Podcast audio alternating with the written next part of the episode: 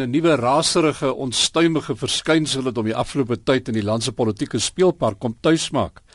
Julius Malema se nuwe party, die Economic Freedom Fighters, geklee in kenmerkende rooi T-hemde en barrette, het 'n nuwe energie en onstuimigheid gebring na die speelpark, maar met geluide wat 'n mens terugvoer na daardie eerste woelige paar jare na die ontbanning van die ANC.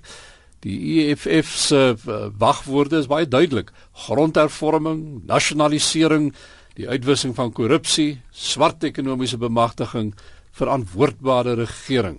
Nou, iemand wat sy oog op al hierdie verwikkelinge hou is die politieke wetenskaplike by Unisa, professor Dirk Kotse. Môre Dirk. Goeiemôre Kobus. Julius Malema baie duidelik oortuig dat hy volgende jaar die ANC die kussings gaan lig. Uh, hoe groot gaan sy impak wees dink jy? Ek dink as dit gaan oor op 'n retoriese vlak, ehm um, gaan hy baie aandag trek. Ons het dit nou reeds gesien die afgelope paar maande, ehm um, dat hy uh, baie meer prominent is as wat hy voor dit was toe hy nog uit die ANC uitgeskop is. Ehm um, en uh, in, in terme van sy eie uitsprake, ehm um, sy stel nie belang daarin om 'n oppositiepartyt te wees nie. Hy wil die volgende regerende party wees. Maar as 'n mens nou begin mooi kyk na wat die moontlike opsies vir hom is of die moontlike scenario's, dan uh, is dit ver daarvandaan. Ek dink uh, hy gaan as as hy tussen 5 en 10% van die stemme uiteindelik gaan gaan kry, sal hy sal eintlik baie goed doen. As hy steen sou vat, ek meen hy gaan dit moet wegvat van ander partye af, ehm um, by wie? ANC, DA, UDM? Wel die in die eerste instansie by die by die ANC, ehm um, die die hoeveelheid stemme wat by die Cope beskikbaar is, ehm um, en ek dink dis die ander groot party wat sprake is, is dit sal dit rondom 3% van die 7% wees wat wat Cope in 2009 gekry het.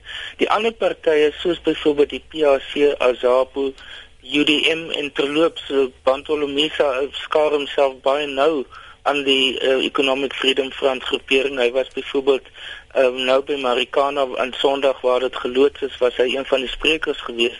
Ehm um, alles al die groeperings in um, saam het het omtrent 2%. So dit is 'n baie klein potensiële uh, steenbasis wat hy daar kan ontwikkel. So die die werklike teiken gaan die ANC wees die Workers and Socialist Party um WASP uh, sien ja. ek hulle vry ook na mekaar maar dit is vir meeste van ons 'n redelike onbekende faktor.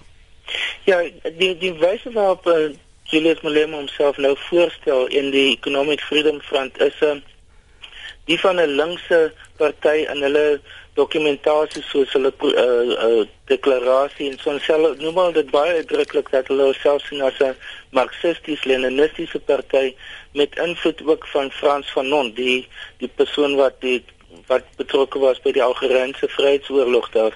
Ehm um, wat wat beteken dat hulle 'n kombinasie van 'n 'n sosialistiese idees plus die idee van 'n dekoloniale denke wil probeer kombineer. Ehm um, en wat dus terughinker na die na die oorspronklike vryheidsbewegings van die 1960s in Afrika.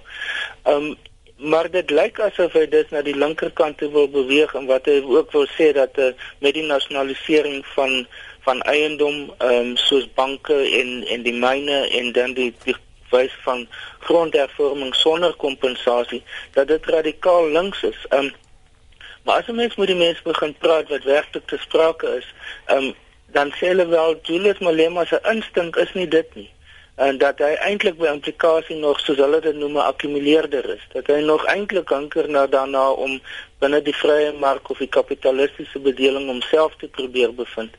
So om dus te dink dat dit 'n skuif na na links is en wat ook 'n skuif vir Julius Malema na links is, dink ek is nie is nie waar nie. Um, en daarom is dit hoogs onwaarskynlik dat daar 'n groepering gaan ontstaan van linkse van linkse ondersteunende partye wat almal rondom hom gaan saam uh, fokus. Ehm um, byvoorbeeld Azapo wat uh, wat soms genoem word as 'n potensiële bondgenoot en ook uit daardie linkerkant uitkom, ehm um, wil hulle self nie met uh, Julius Malema assosieer nie omdat hulle sê wel hy is nie inherënt eintlik 'n 'n sosialistiese uh, denker nie of hy skaar nie by die sosialistiese kant. Dieselfde sê uh, Zwelithini Mawawi. Hy sê wel ek wil nie deel daarvan wees nie omdat uh, Julius Malema nie my denke deel nie. En so sê professor Dirk Kotse van die NISA.